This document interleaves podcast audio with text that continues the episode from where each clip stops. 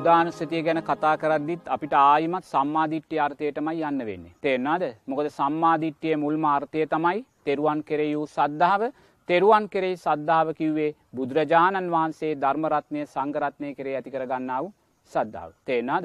එනිසා බුද්ධානුස්සතිය වඩනවායි කෙන කාරණයේදී අපි සම්මා දිට්ටියේ අර්ථයන් ජීවිතයට එකතු කරගත්තාට පස්සේ.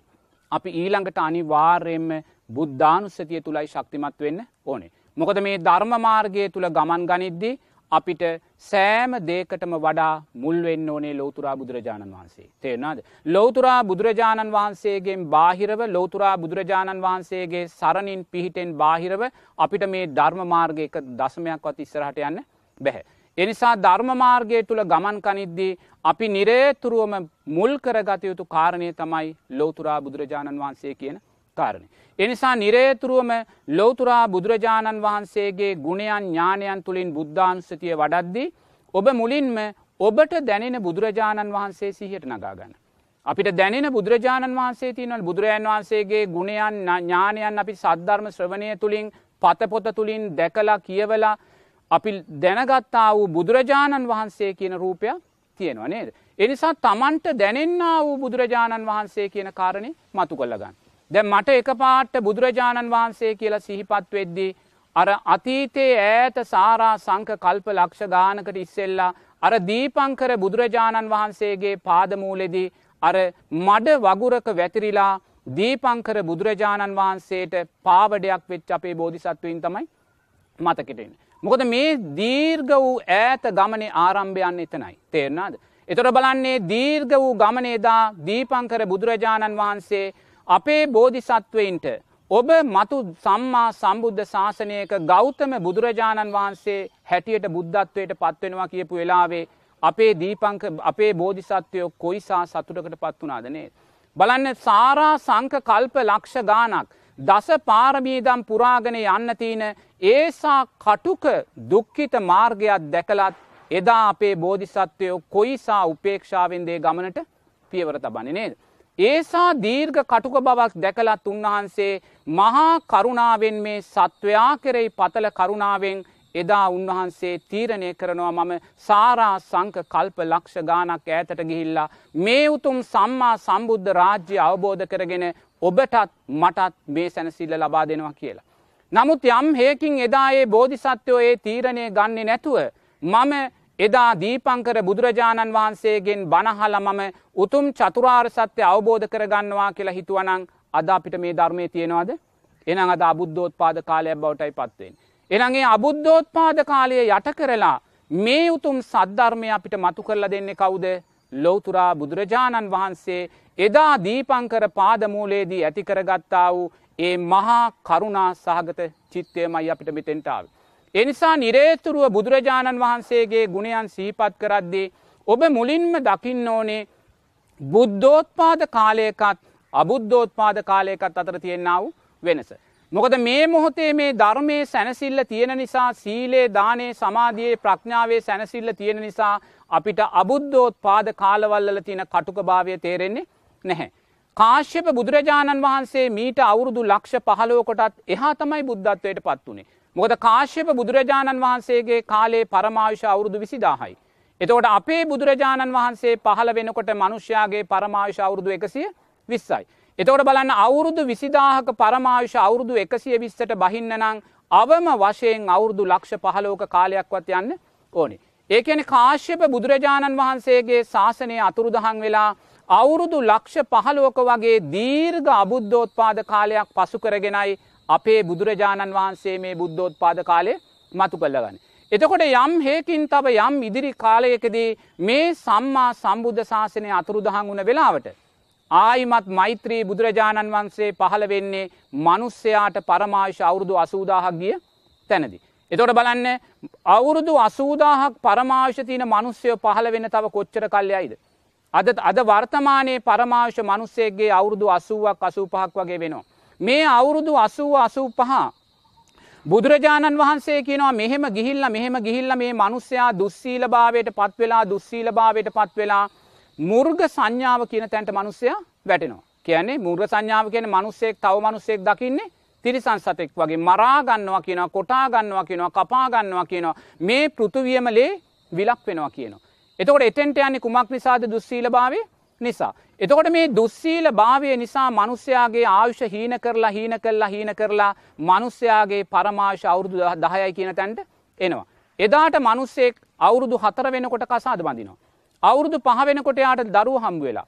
අවුරුදු හතාට වෙනකොට යා මැරිලා ගිහිල්ල ඉවරයි මොකද පරමාවශ්‍ය තමයි අවුරුදු දහයි. දෙ දුස්සීල භාවය නිසා ක්‍රමාණකූලෝ දැම්මේ දේ සිද්ධ වෙමින් එනවා. දැන් සමහර විට සමහර ගැහැනු දරුව ඉන්නවා සමහර ගෑනු දරුව අවුරුදු හතක් අටක් යැනකොටයා වැඩිවියට පත්වෙනවා. දැ අපේ ළමාකාලෙදි අපේ නංගිලාම්මල ඒගොල්ල වැඩිවියට බත් වනේ අවුරුදු දහතුනත් දාහතර පහළුවක් ගිහිල්ල. නමුත් දැන්හෙමන මේ සමහර ගෑනු දරුව ඉන්න අවුරුදු හත වෙනකොට අට වෙනකොට වැඩිවියට පත් වෙලා. එතකොට අවුරුදු හත වෙනකොට අට වෙනකොට යා වැඩිවියට පත් වනා කියන මොකක්ද අවුරුදු හතේදි අටේදයාට දරු ගැබක් දරාගන්න පුළුවන්. දරු ගැබත් දරාගන්න පුළුවන් වුණත් සමාජය එතෙන්ට යන්නේ නෑ ඇයි තාම සමාජය තුළ සීලය තියෙනවා. නමුත් තිරිසන් සතා තුළ සීලය නෑ ඒ නිසායා තිරිසන් සතා අවුරුදු හටාට වෙනකොට ඒගොල්ලන්ගේ ළමා කාලිදි මේගොලො ගැබ් ගන්න. නමුත් අද අවුරුදු හතේ අටේ දරුවා වැඩිවියට පත් වනත් තාම ඒ දරුවා ඒ තැනට යන්න ඇත්තේයි සමාජය තුළ තාම සීලේ නමුත් සමාජයේ සීලෙන් පිරිහෙන්න පිරිහෙන්න මනුස්්‍යයා තිරිසං ස්භාවයට යද්දී අනිවාර්යෙන්ම අවුරුදු හතේ අටේ පහේ දරුවන්ට දරුවෝ ලැබෙනවා කියන කාරණය අපිට සාධක හැටියට දැන් කියන්න. එහෙමනම් බුදුරජාන් වහන්සේ කියනවා මේ පරමාශ අවුරුදු දහයට කියන තැනට යන්නේ කුමක් නිසාද දුස්සීල භාවේ.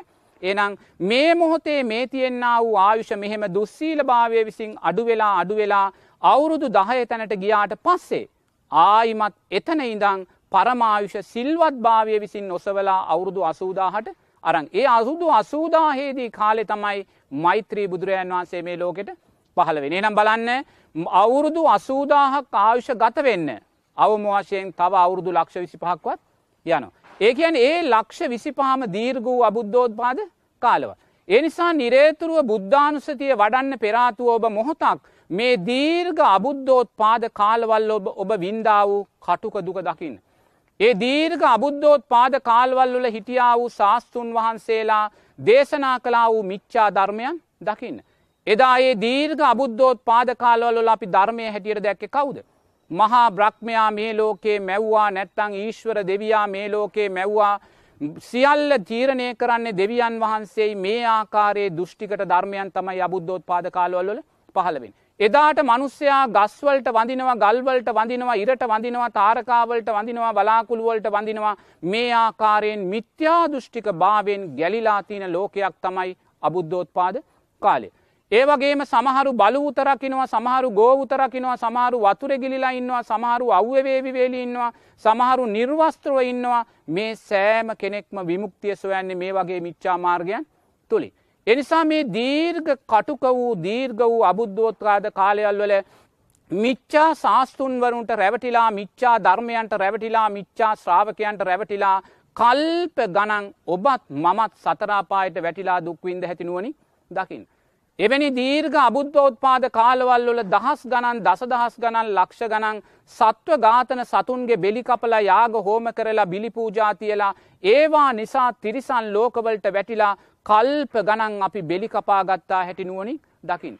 එවැනි මෙවැනි කටුක වූ දීර්ඝ අබුද්ධෝත්පාද කාලයක් තුළ මේ ලබන්නා වූ බුද්ධෝත්පාද කාලයක සැනසිල්ල කොයිතාරනම් සැනසිලි සාගත දෙයක්ද.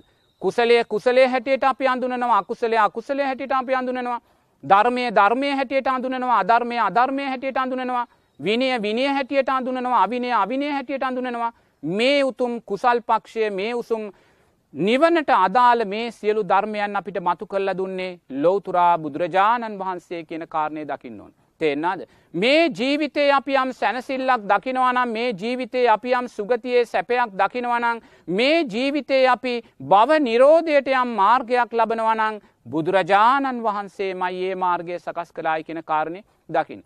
එදා දීපංකර බුදුරජාණන් වහන්සේගේ පාදමූලෙදී ඔබ මතු සම්මා සම්බුද්ධත්වයට පත්වෙනවා කියලා නියත විවරණ ගත්ත වෙලාවීදං.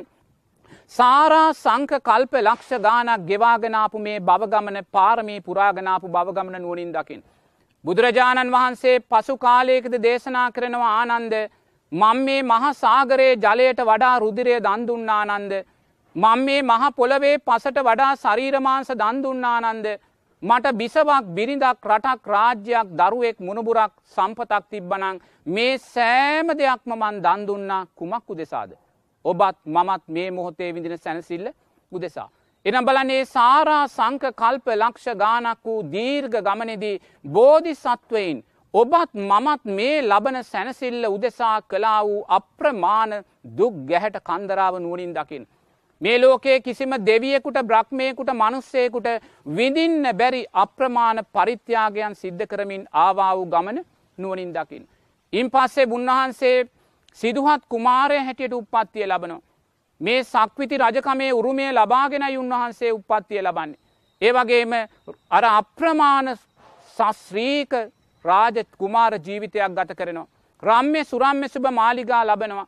බුදුරජාන් වහන්සේ පසු කාලයක දේශනා කරනවා ආනන්ද තරුණ කාලේ මං හරිම සුකෝපභෝගී ජීවිතයක් ගත කළේ. මට රම්ය සුරම්ය සුභ කියලා මාලිගා තුනක් තිබ්බා. ඒ මාලිගාවල් වල මං යම් ඇඳුමක් පරිහරණය කරානං යම් පොරෝණයක් පරිහරණය කරානං ඒවා ඉතාමත් සිනුදු සිනුදුම පොරෝණමයි මං පරිහරණය කළේ. සිනුදු සඳුන්මයි මං ඇඟ ගැල්වේ. මං හේමන්ත කාලෙට හේමන්තයට අදාළ පහය වැඩඉන්නවා.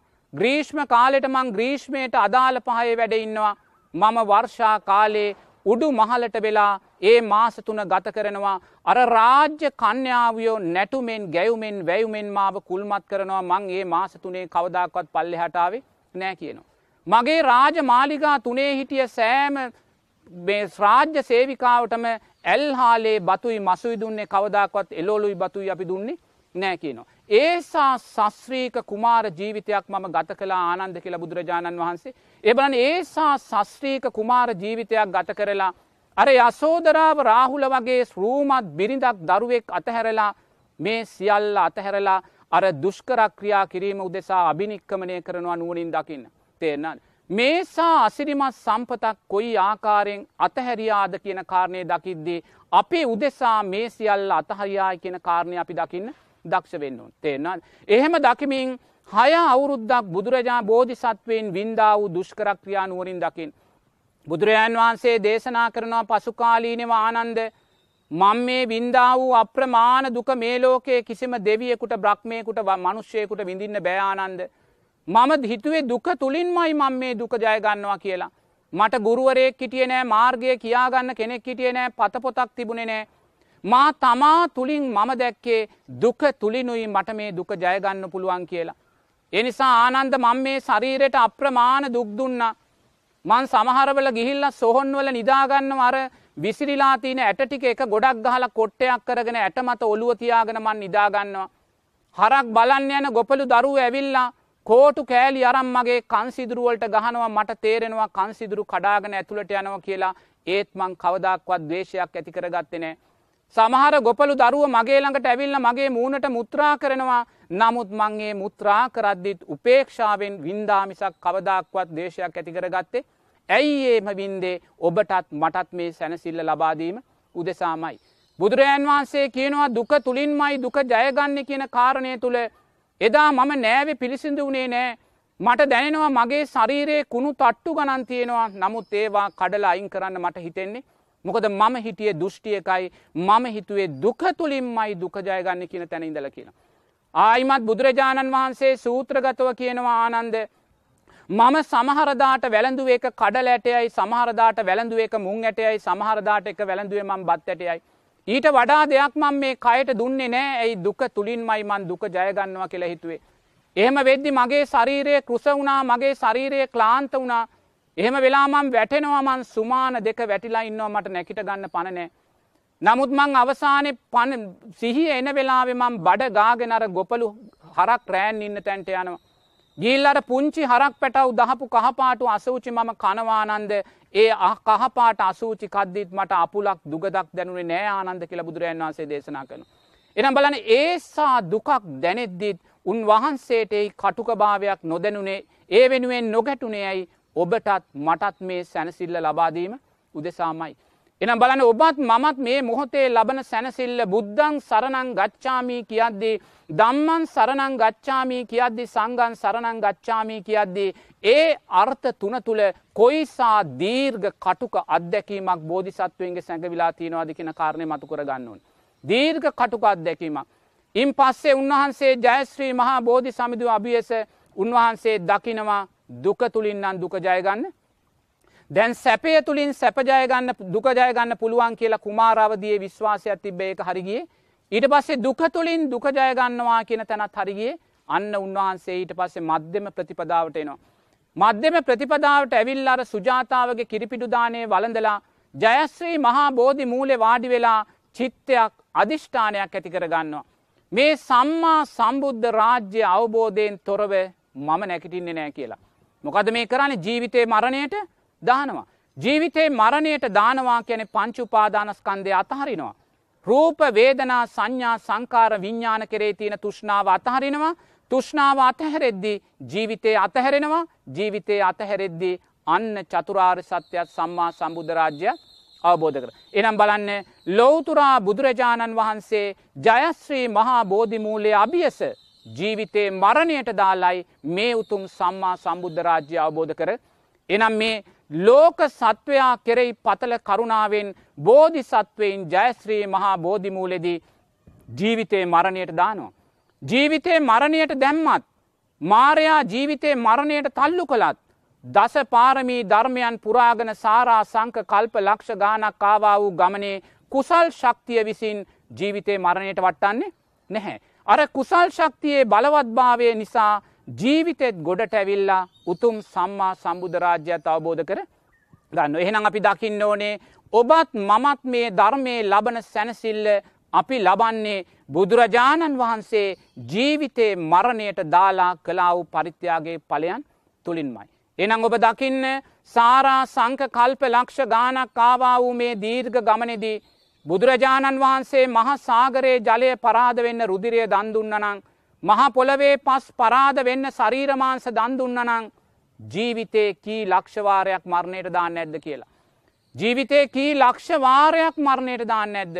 බුදුරජාණන් වහන්සේ කියලා සිහිපත් වෙද්දී බුදුරජාණන් වහන්සේ තුළින් අපි දකින්නේ අනේ මේ ලෝතුරා බුදුරජාණන් වහන්සේ කියන අර්ථය අපිට කියල දෙන්න බෝධි සත්‍යයෝ ලක්ෂ කීවාරයක් ජීවිතේ මරණයට දැම්මාද කියන කාරණයයි. ඉන් පස්සෙ මේ උතුම් සම්මා සම්බුද්ධ රාජ්‍ය අවබෝධ කරගෙන හතලිස් පස් වසරක් පුරාවට උන්වහන්සේ මොකක්ද කරන්නේ දිවාරෑ නොබලා ජනතාවගේ ලෝකයාගේ සැනසිල්ල උදෙසා ධර්මාවබෝධය උදෙසාම කටයුතු අවසාන පිරිනිවන් මංචකේ සැතපිලත් අවසාන මොහොතෙමොකක්ද කියන්නේ මහනෙන හිස ගිනිගත්තෙක් ඒ ගිනි නිවන්නේ යම්සේද මේ බවගමන නිවාගන්න කියලයි. ඒ කියන්නේ මොකක්ද මේ සංසාර බවගමන ඒසා කටුක දෙයක් විෂම දෙයක් ඒ කටුක විෂමභාවය දැකලා භවය ගැන නෙමේ මේ ජීවිතයේදීම මේ උතුම් අධිගමයන් සාක්ෂාත් කරන්න කියන කාරණය බුදුරජන් වහන්සේ අපිට මතක් කලද. එනිසා බුදුරජාණන් වහන්සේ කියල කියද්දේ මුලින්ම අර දීර්ඝ අබුද්ධෝත්පාද කාලයන්හි සත්වයා විඳින්නා වූ කටුක දුක දකින්න. ලෝකයේ ඊශ්වරගේ නිර්මාණයක් එහෙම නැත්තම් මහා බ්‍රහ්මයාගේ නිර්මාණයක් සියල්ල මවන්නේ මහා බ්‍රහ්මයා සියල්ල සිද්ධ වෙන්නේ බ්‍රහ්මයාගේ කැමැත්ත මත කියන මෙන්න මේ මිත්‍යා ධර්මයන් තුළ රැවටිලා වින්දා වූ කල්ප ගණන් දුකාපි නුවනින් දකින්න. දැකලා ලෝතුරා බුදුරජාණන් වහන්සේ මතු කරලා දුන්න මේ ආර්යෂ්ඨාංගික මාර්ගය තුළ අපි ලබන්නා වූ කුසලේ සැනසිල්ල සුගතියේ සැනසිල්ල බව නිරෝධය සැනසිල්ල නුවනින් දකිමින් අන්න බුදුරජාණන් වහන්සේ කරේ බුද්ධානුස්සතිය ඇති කරන්න. විවේකීව ඉන්න වෙලාවට නිරේතුරුව මේ කාරණා සිතමින් මේ කාරණාවලට අදාළව ඔබ තුළ බුදුරජාණන් වහන්සේගේ ගුණයන් කෙරේ ඥානයන් කෙරේ විශ්වාසය ඇති කරන්න. දැම් බුදුරජාණන් වහන්සේ කියල සිහිපත් වෙද්දී මට මගේ මේ ඇස් දෙක දකිද්දී මට එක පාට සිහිපත් වෙන්නේ බුදුරජාණන් වහන්සේමයි. මොකද මේ ඇස් දෙක කියන්නේ උතුම් බුදුගුණයක් මයි. මොකද මට මේ ඇස් දෙක මේ ආකාරයෙන් ලැබුණේ කුමක් නිසාද කුසල් සංස්කාරයක් නිසාමයි. මම ගිය ජීවිතේ අකුසල් කලානං මට මේ ජීවිතේ ජාති අන්දෙක් වෙලා මං උපදින්න තිබ්බා. එනම් මම අන්දෙක් නොවීමේ ලස්සන ඇස් දෙක ඔබට ලැබුණේ කුමක් නිසාද ඔබ ගිය ජීවිතයේ කුසල් පක්ෂය වැඩුව නිසායි. ඔබට කුසල් පක්ෂය වඩන්න ගිය ජීවිතේ මාර්ගය කියල දුන්නේ කවුද ලෝතුරා බුදුරජාණන් වහන්සේමයි. එනම් මේ ඇස් දෙක දකිද්දි ඔබට සිහිවෙන්න ඕනේ බුදු ගුණයක් නිසාමයි මේ ඇස් දෙක මට ලැබුණ කියන කාරණය. මේ කන දකිද්දී ඔබ සිතන්න ඕනෙ මේ කන ලැබුණේ ලෝතුරා බුදුරජාණන් වහන්සේ නිසාමයි මොකද ඔබ ගිය ජීවිතේ අකුසල් වැඩුවානං ඔබ මේ ජීවිතේ ජාති බිහිරි කෙනෙක් වෙලා උපත්තිය ලබන්න තිබ්බ. එනම් ඔබට මේ වගේ කන් දෙකක් ලැබුණෙ කුමක් නිසාද? ඔබ ගිය ජීවිතය තුළ කුසලේ තුළ ශක්තිමත් වනා කුසලේ තුළ ශක්තිමත් වෙන්න පාරකිව්ව කවුද? බුදුරජාණන් වහන්සේමයි. ඔබට මේ රූපය මේ ආකාරයෙන් පරිපූර්ණ රූපයක් ලැබුණේ කුමක් නිසාද? බුදුගුණයක් නිසාමයි මොකද ඔබ පෙරජීවිතය කුසල් පක්ෂය? ඔබ පෙරජීවිතේ අකුසල් වැඩුවානං ඔබ මේ ජීවිතේ අංගවිකල භාවයට පත්වෙලා උපත්තිය ලබන්න තිබ්බ. ඔබට රූමත් භාවයක් ලැබුණානං ඔබට ධනවත් භාවයක් ලැබුණානං ඔබට හොඳ සමාජ තත්ත්වයක් ලැබුණානං ඔබට හොඳ පවුල් පසුබිමක් ලැබුණානං ඒ සියල් ඔබට ලැබුණේ උතුම් බුදුගුණයක් නිසාමයි.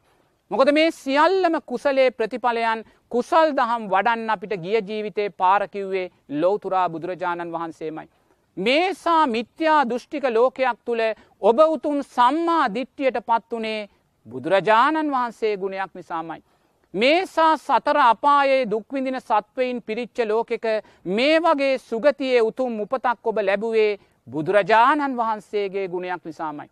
මේසා සත්වයින් සතරාපායේ දුක්විඳිද්දී අරසා සත්වීන් දිව්‍ය බ්‍රහ්මතලවල සැපවිඳින්නේ උතුම් බුදුගුණයක් නිසාමයි කුසල් පක්ෂය වඩපු. එනිසා ඒ සෑම කුසලයක් වඩන්නම අපිට පාරකිව්වෙ කවුද බුදුරජාණන් වහන්සේමයි. ඔබ කැමැති දෙයක් දකිද්දී ඒ කැමැතිදේ ඔබ දකින්නේ ඔබේ කුසල් විපාකයක් නිසා ඒ කුසලේ ඔබට එන්න පාරකිවෙ ලෝතුරා බුදුරජාණන් වහන්සේයි ඒ නිසා ඔබ ඉදිරියට එන සෑම සැපවේදනාවක් අනතුරුවම ඔබ බුදුරජාණන් වහන්සේ සිහිපත් කරගන්න දක්ෂවෙන්. ඔබ ඉදිරියට එන සෑම දුක්වේදනාවක් ඉදිරියේදම ඔබ අකුසලය නැත්තං මිච්චා මිත්‍යා දෘෂ්ටිය කියන කාරණය සීහට නගාගන්න දක්ෂවෙන්. එහෙම දකිද්දී අපිට නිරේතුරුවම බුදුගුණයක් වැඩෙන කෙනෙක් බවටයි අපි පත් අයිමත අමුතුවෙන් බුදුගුණ වඩන්න අවශ්‍යතාවයක් නැහැ. ඇස දිහැ දකිද්දිත් බුදුරජාණන් වහන්සේ සීපත් වෙන්නේ කනදිහැ දකිද්දිත් බුදුරජාණන් වහන්සේ මයි ජීවත් වෙන්නේ. අපි ලබන්නා වූ ජයග්‍රහණය අධ්‍යයා දකිද්දිත් බුදුරජාණන් වහන්සේ මයි සීපත් වෙන්නේ සුගතිය දකිද්දිත් අපිට බුදුරජාණන් වහන්සේ මයි සීපත් වෙන්න තේන. එනිසා නිරේතුරුවම මේ සෑම අපි කැමති කරන දේවල් අපිට ලැබුණේ බුදුරජාණන් වහන්සේ දේශනා කලා වූ කුසලය නිසාමයි ඒ නිසා ඒ සියල්ල බුදුගුණයක් හැටියට දකින තැනදී නිරේතුරුවම අපි තුළින් බුද්ධානුස්සතිය වැඩෙනවා. තේෙන්නාද. එනිසා නිරේතුරුව මේ විදිහට තමන් බුදුරජාණන් වහන්සේ තුළින් දකින්නා වූ මේ ගුණයන් නුවනින් දකින දැන් අපි කියනවන විද්‍යාචරණ සම්පන්නෝ කියලා එතොට විද්‍යාචරණ සම්පන්න ගුණය ලෝතුරා බුදුරජාණන් වහන්සේ සතු ශේෂ්ඨ ගුණයක්. එතර විද්‍යාචරණ සම්පන්න කියන්න මොකක්ද අවබෝධ කලා වූ ධර්මයට අදාළව උන්වහන්සේ හැසිරෙනවා. ඒක උන්වහන්සේගේ තියෙන්න්නාව එක් ධර්මයක්.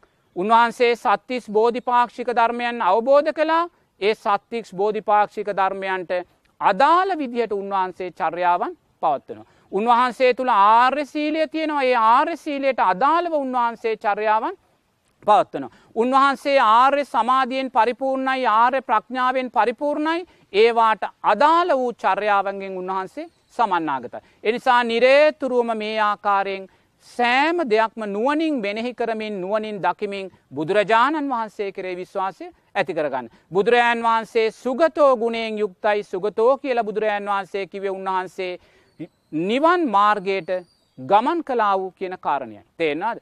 මේ ලෝකයේ තියෙන ශේෂ්ඨම මාර්ගය වන ආර්යෂ්ඨාංගික මාර්ගය තුළ ගමන් කලා කියන අර්ථයෙන් තමයි සුගතෝ කියන කාරණය බුදුරජාණන් වන්සේ සකස් කරගන්න. ලෝක විදූ කියන්නේ මේ ලෝකයේ සහස්සී දසදාශ්‍රී මේ සෑම ලෝකධාතුවක් කෙරෙීම උන්වහන්සේ අවබෝධඥානයෙන් අවබෝධ කලා වූ තැන ඉඳගෙන උන්වහන්සේ ලෝක විදූ කියලා කියනවා. තේරනයි. ඊට පස්සේ බුදුරජාන් වහන්සේ සියලුම සත්වයින් දෙවියන් බ්‍රහ්මයින් මනුස්සෙයින් මේ අකීකරූ මිත්‍යාදුෘෂ්ටක වූ සෑම බලයක්ම දමනය ධර්මයෙන් දමනය කලා වූ කියන කාරණය තුළ පුරිස දම්ම සාරතියකුණේ යුක්තයි කියනවා. ඒවගේම දෙවියන් බ්‍රහ්මයින් මනුස්සයින්ට අනුශාසනා කලායි කියන කාරණය තුළ සත්තා දේව මනුස්සානන් කියන ගුණේ යුත්තයි කියලා කියනවා. ඒ වගේම මේ ලෝකයේ තියෙන්න්න වූ ඔබට ලැබෙන්න්න වූ ශේෂ්ඨම දෙයින් පූජා කිරීමට සුදුසූ නිසා ආමිස වේවා ප්‍රතිපත්ති වේවා පූජාවෙන් සුදුසු නිසා උන්වහන්සේ භගවා කියලා කියනවා. ඒ වගේම චතුරාර් සත්‍ය ධර්මයන්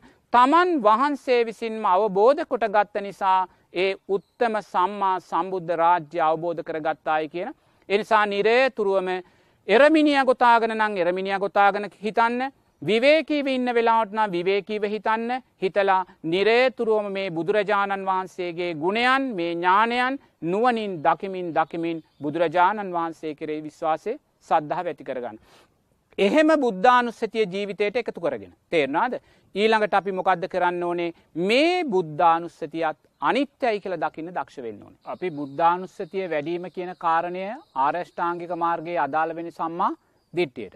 එතොට සම්මාධිට්්‍යයේදී බුද්ධානුස්සතිය වඩද්දී මේ ආරෂ්ඨාංගික මාර්ගය අපි තුළ වැඩෙන්නේ ලෞකික ආරෂ්ඨාංගික මාර්ගයක් විදිහට. තෙන්නාද දැන් ඔබ හිතන්න ඔබ මුළු ජීවිත කාලේම බුද්ධානුස්සතිය වඩනවා. බුදුරජාණන් වහන්සේ කෙරෙයි සද්ධාවෙන් ගරුත්වයෙන් ඔබ නිරේතුරුව බුද්ධ වන්දනා කරනවා බුදුරජාණන් වහන්සේට තෙල් පහන් මල්ගිලම් පස පූජා කරනවා බුදුරජාණන් වහන්සේ උදෙසාම බුද්ධානුස්සතිය වඩමින් ජීවත්වෙනවා. එහෙම බුද්ධානුස්සතිය වඩමින් ජීවත් වෙලා ඔබ චිරාත් කාලයක් ජීවත් වෙලා මිය පරලව යන වෙලාවට. ඔබට එක පාට්ට බුදුරජාණන් වහන්සේ සිහිපත් වනොත් මොකද වෙන්නේ. ඔබ ගීල සුගතියේ ඉප දෙනවා. තේෙන්න්නද. ඒ සුගතිය උපත නිත්‍යද අනිත්‍යද අනිත්‍යයි. තේරනාද. එනම් අපි සංසාරයක් පුරාවට සාරා සංක කල්ප ලක්ෂ ගානක් පුරාවට සම්මා සම්බුද්ධ ශාසන ලක්ෂ ගානක් මුණගැහිලා අපි කරලා තියනෙ මොකක්ද.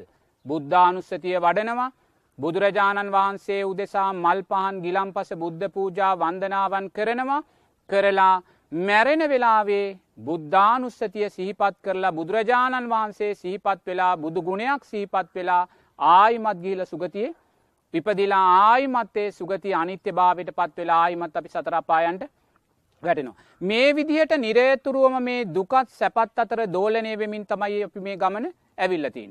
එහෙමනම් මේ ජීවිතයේදී ඔබ දක්ෂ වෙන්න. ඔබ මෙතෙක් ආවා වූ ගමන විදර්ශනාමය නුවන සකස් කරගන්න ආකාරයට වෙනස් කරගන්න. එතනදී ඔබ මොකක්ද කරන්න ඕනේ ඔබ බුද්ධානුස්සතිය තුළ මුලින්ම ශක්තිමත් වෙනවා. තේෙන්නාද. බුද්ධානුස්සතිය තුළ ශක්තිමත් වෙලා ඊට පස්සේ බුද්ධානුස්සතියත් විදශනානුවනින් දකිනවා. තේරනාද. එතකොට බුද්ධානුස්සතිය විදශනානුවනින් දකින්න දක්ෂ කෙනා බුද්ධානුස්සතිය වඩලා මැරෙන වෙලාවේ බුදුරජාණන් වහන්සේ සිහිපත් වනොත්. එයා ඒ බුදුරජාණන් වහන්සේ අනිත්‍යයි කියලා දකිනවා. ඒ බුදුරජාණන් වහන්සේ දැක්කා වූ හිත අනිත්‍යයි කියලා දකිනවා. සාරා සංක කල්ප ලක්ෂ ගානක් කාවා වූ ගමනෙදි බුදුරජාණන් වහන්සේලා ලක්ෂ ගානක් බුද්ධත්වයට පත් වෙලා තියෙනවා ඒ සෑම බුදුරජාණන් වහන්සේ නමක්ම පිරිනිවී ගියා අනිත්‍ය භාවයට පත් වනා කෙළයා නුවනින් දකිනවා. අනාගතයේ බුදුරජාණන් වහන්සේලා ලක්ෂගානක් පහළ වෙනවා ඒ සෑම බුදුරජාණන් වහන්සේ නමක්ම පිරිනිවී යනවා අනිත්‍යයි කියෙන කාරණය දකිනවා. බුදුරජාණන් වහන්සේගේ දෙතිස් මහා පුරුෂ ලක්ෂණයන්ගෙන් බබලන ඒ සම්මා සම්බුද්ධ රූපකාය දෙස බලාගෙන ඒ දෙතිස් මහා පුරුෂ ලක්ෂණයන්ගෙන් බබලන රූපකායත් පිරිනිවන් මංචකේ අලු ගොඩක් ධාතුන් වහන්සේලා ගොඩක් වුණායි කියන කාරණය අන්න බුද්ධානුස්සති අපි විදශනානුවනින් දැක්ක. එනිසා නිරේතුරුවම දක්ෂ වෙන්න බුද්ධානුස්සතිය තුළ ශක්තිමත්වමින් බුද්ධානුස්සති අර්ථයන් විදශනානුවනි දකින්න. ඔබ සෑම හවසකම සෑම සන්ධ්‍යාවකම බුදු මැදුරට ගිහිල්ල බුද්ධ වන්දනාව කරලා බුද්ධ වන්දනාව කරලා ඉවරුණාට පස්සේ ඔබ දකින්න අර දෙතිස් මහා පුරුෂ ලක්ෂණයන්ගෙන් බබලන බුදුරජාණන් වහන්සේගේ රූපකාය පිරිනිවන් මංචකේ අලු ගොඩක් ධාතුන් වහන්සේලා ගොඩක් වුණායි කියල දකිින්. ඒ ධාතුන් වහන්සේලා තවත් යම් කාලයක් ගියාට පස්සේ ඒවා දුර්වල වෙලා අනිත්‍ය භාවයට පත් වෙලා මේ මහපොළවේ සතර මහා ධාතුවටම එකතු වෙනවා කියන කාරණය දකිින්. ඔබ බුද්ධ වන්දනාව කරලා අහවර වෙලා අර ඔබ පූජා කලා වූ මල්වට්ටිය සිහිපත් කරගෙන ඔබ දකින්න සංසාරයේ සම්මා සම්බුද්ධ ශාසනවල ඉපදිලා බුදුරජාණන් වහන්සේලා උදෙසා පූජා කලා වූ සුවඳ මල් පූජා කලා වූ බුද්ධ පූජාව පූජා කලා වූ ගිලම් පස එක ගොඩක් ගැහුවොත් ගිජ්ජකූට පර්වතයට වඩා විශාලයි කියලා. ඒසා සංසාරයේ බුදුරජාණන් වහන්සේලා උදෙසා පූජාවන් සිද්ධ කළත් ඒ සංස්කාර නිත්‍ය වුණාද අනිත්‍ය වුණාද.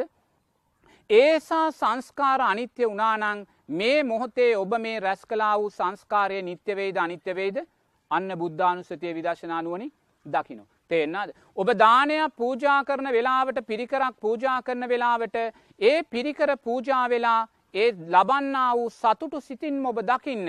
මන් සංසාරයේ බුදුරජාණන් වහන්සේලාට පූජා කලා වූ පිණ්ඩපාතයන් බුදුරජාණන් වහන්සේලා උදෙසා සංඝයා උදෙසා අරමුණු කරලා පූජා කලා වූ අෂ්ට පරිෂ්කාරයන් එක ගොඩක් ගැහුවොත් ගිජ්ජකූට පරුතයට වඩා විශාලයි කියලා. ඒසා සංස්කාර රැස් කළත් ඒ සංස්කාර නිත්‍ය වුණාද අනිත්‍ය වුණාද වෙනස් වෙලා ගිය. එනම් ඔබ මේ මොහොතේ මේ පූජා කරන්න වූ පිරිකර තුළින් පූජාව තුළින් රැස්වෙන්න වූ සංස්කාරය නිත්‍යද අනිත්‍යද. එනිසා නිරේතුරුවම පින්කම් කරමින් මේ සකස් වෙන්න වූ සංස්කාරයන්ගේ අනිත්‍ය භාවය දකිින්. ලොවතුරා බුදුරජාණන් වහන්සේට මලින් පහනින් ආලෝකයෙන් ගිලම් පසින් බුද්ධ පූජාවෙන් පූජා පවත්වමින් නිරේතුරුව මේ සංස්කාරයන්ගේ අනිත්‍ය භාවය දකිින්. මොහොතක් ඇස් දෙක පියාගෙන බුද්ධ වන්දනාව කලාට පස්සේ ඔබ අතීතයේ ජීවමාන බුදුරජාණන් වහන්සේලාගේ දෙපතුල් ලබියස වැඳ වැටුණු හැටි නුවනින් දකිින්.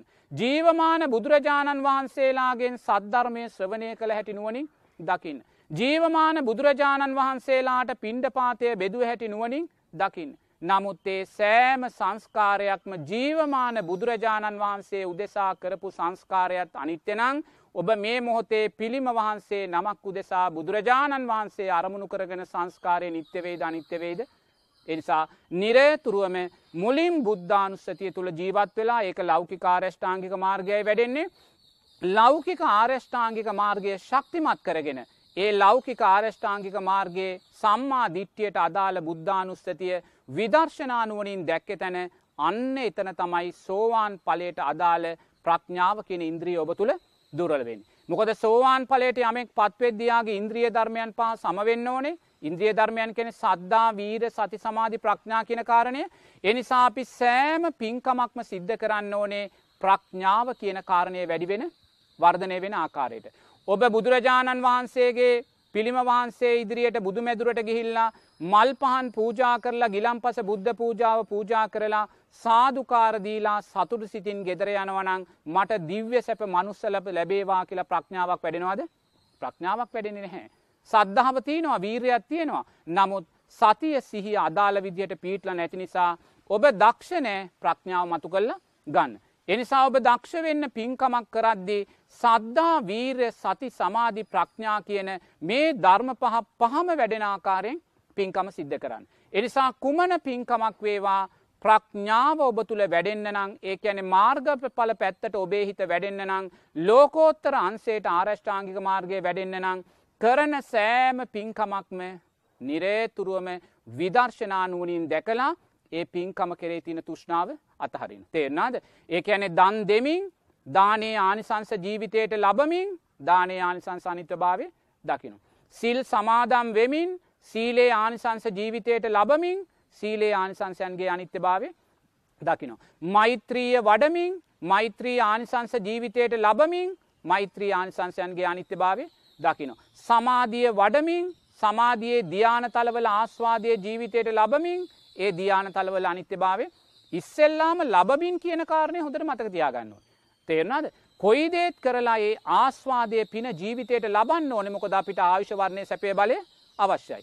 ඒ ආවිශ වර්ණය සැපේ බලය අපිට දුර්වල වුණොත් අපිට ධර්මමාර්ගය තුළ ගමන් කරන්න බැහැ. ඒ නිසා දන් දෙමින් ආයුෂ වර්ණය සැපේ බලය ලබමින් තමයි ඒ ආවිශ වර්ණය සැපේ බලය අනිත්‍ය භාවය දකින.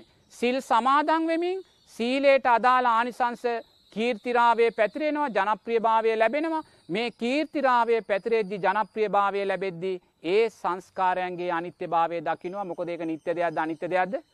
සමාධිය වඩමින් ධ්‍යානතල ලැබෙනවා ධ්‍යානතලවල අනිත්‍ය භාවය දකිමින් ධ්‍යානතලවල ශක්තිය අපි ජීවිතයට එකතු කරගන්න. නිසා නිරේතුරුවම දක්ෂ වෙන්න මොනේ පින්කම සිද්ධ කළත් විදර්ශනානුවනින් දැකලා ඉන්ද්‍රීය ධර්මයන්ට අදාළ ප්‍රඥාව කියන කාරණය මෝදු කරගන්න එනිසා සතිය සිහිය හොඳින් පිහිටවා ගන්න කල්්‍යාන මිත්‍රාශ්‍රය සද්ධර්ම ශ්‍රවණය නුවනින් මෙනෙහි කිරීම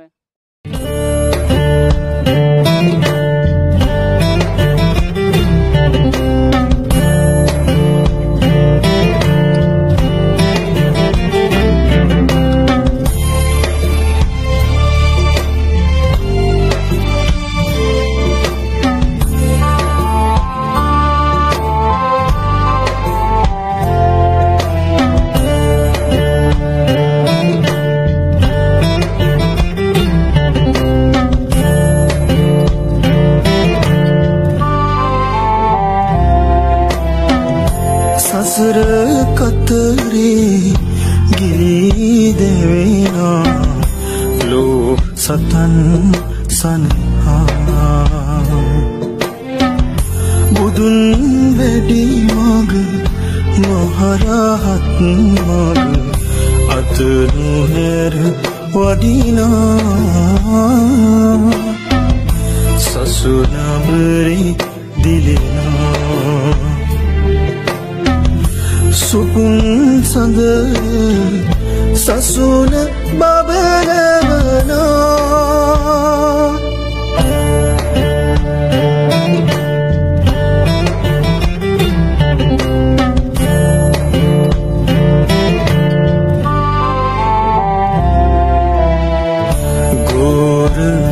සසරේ දුකනසන්ට භවයේ දුක කියනා. කුසල් ගමනේ අසිරිමත් දෙව් අසිරි පහදවනා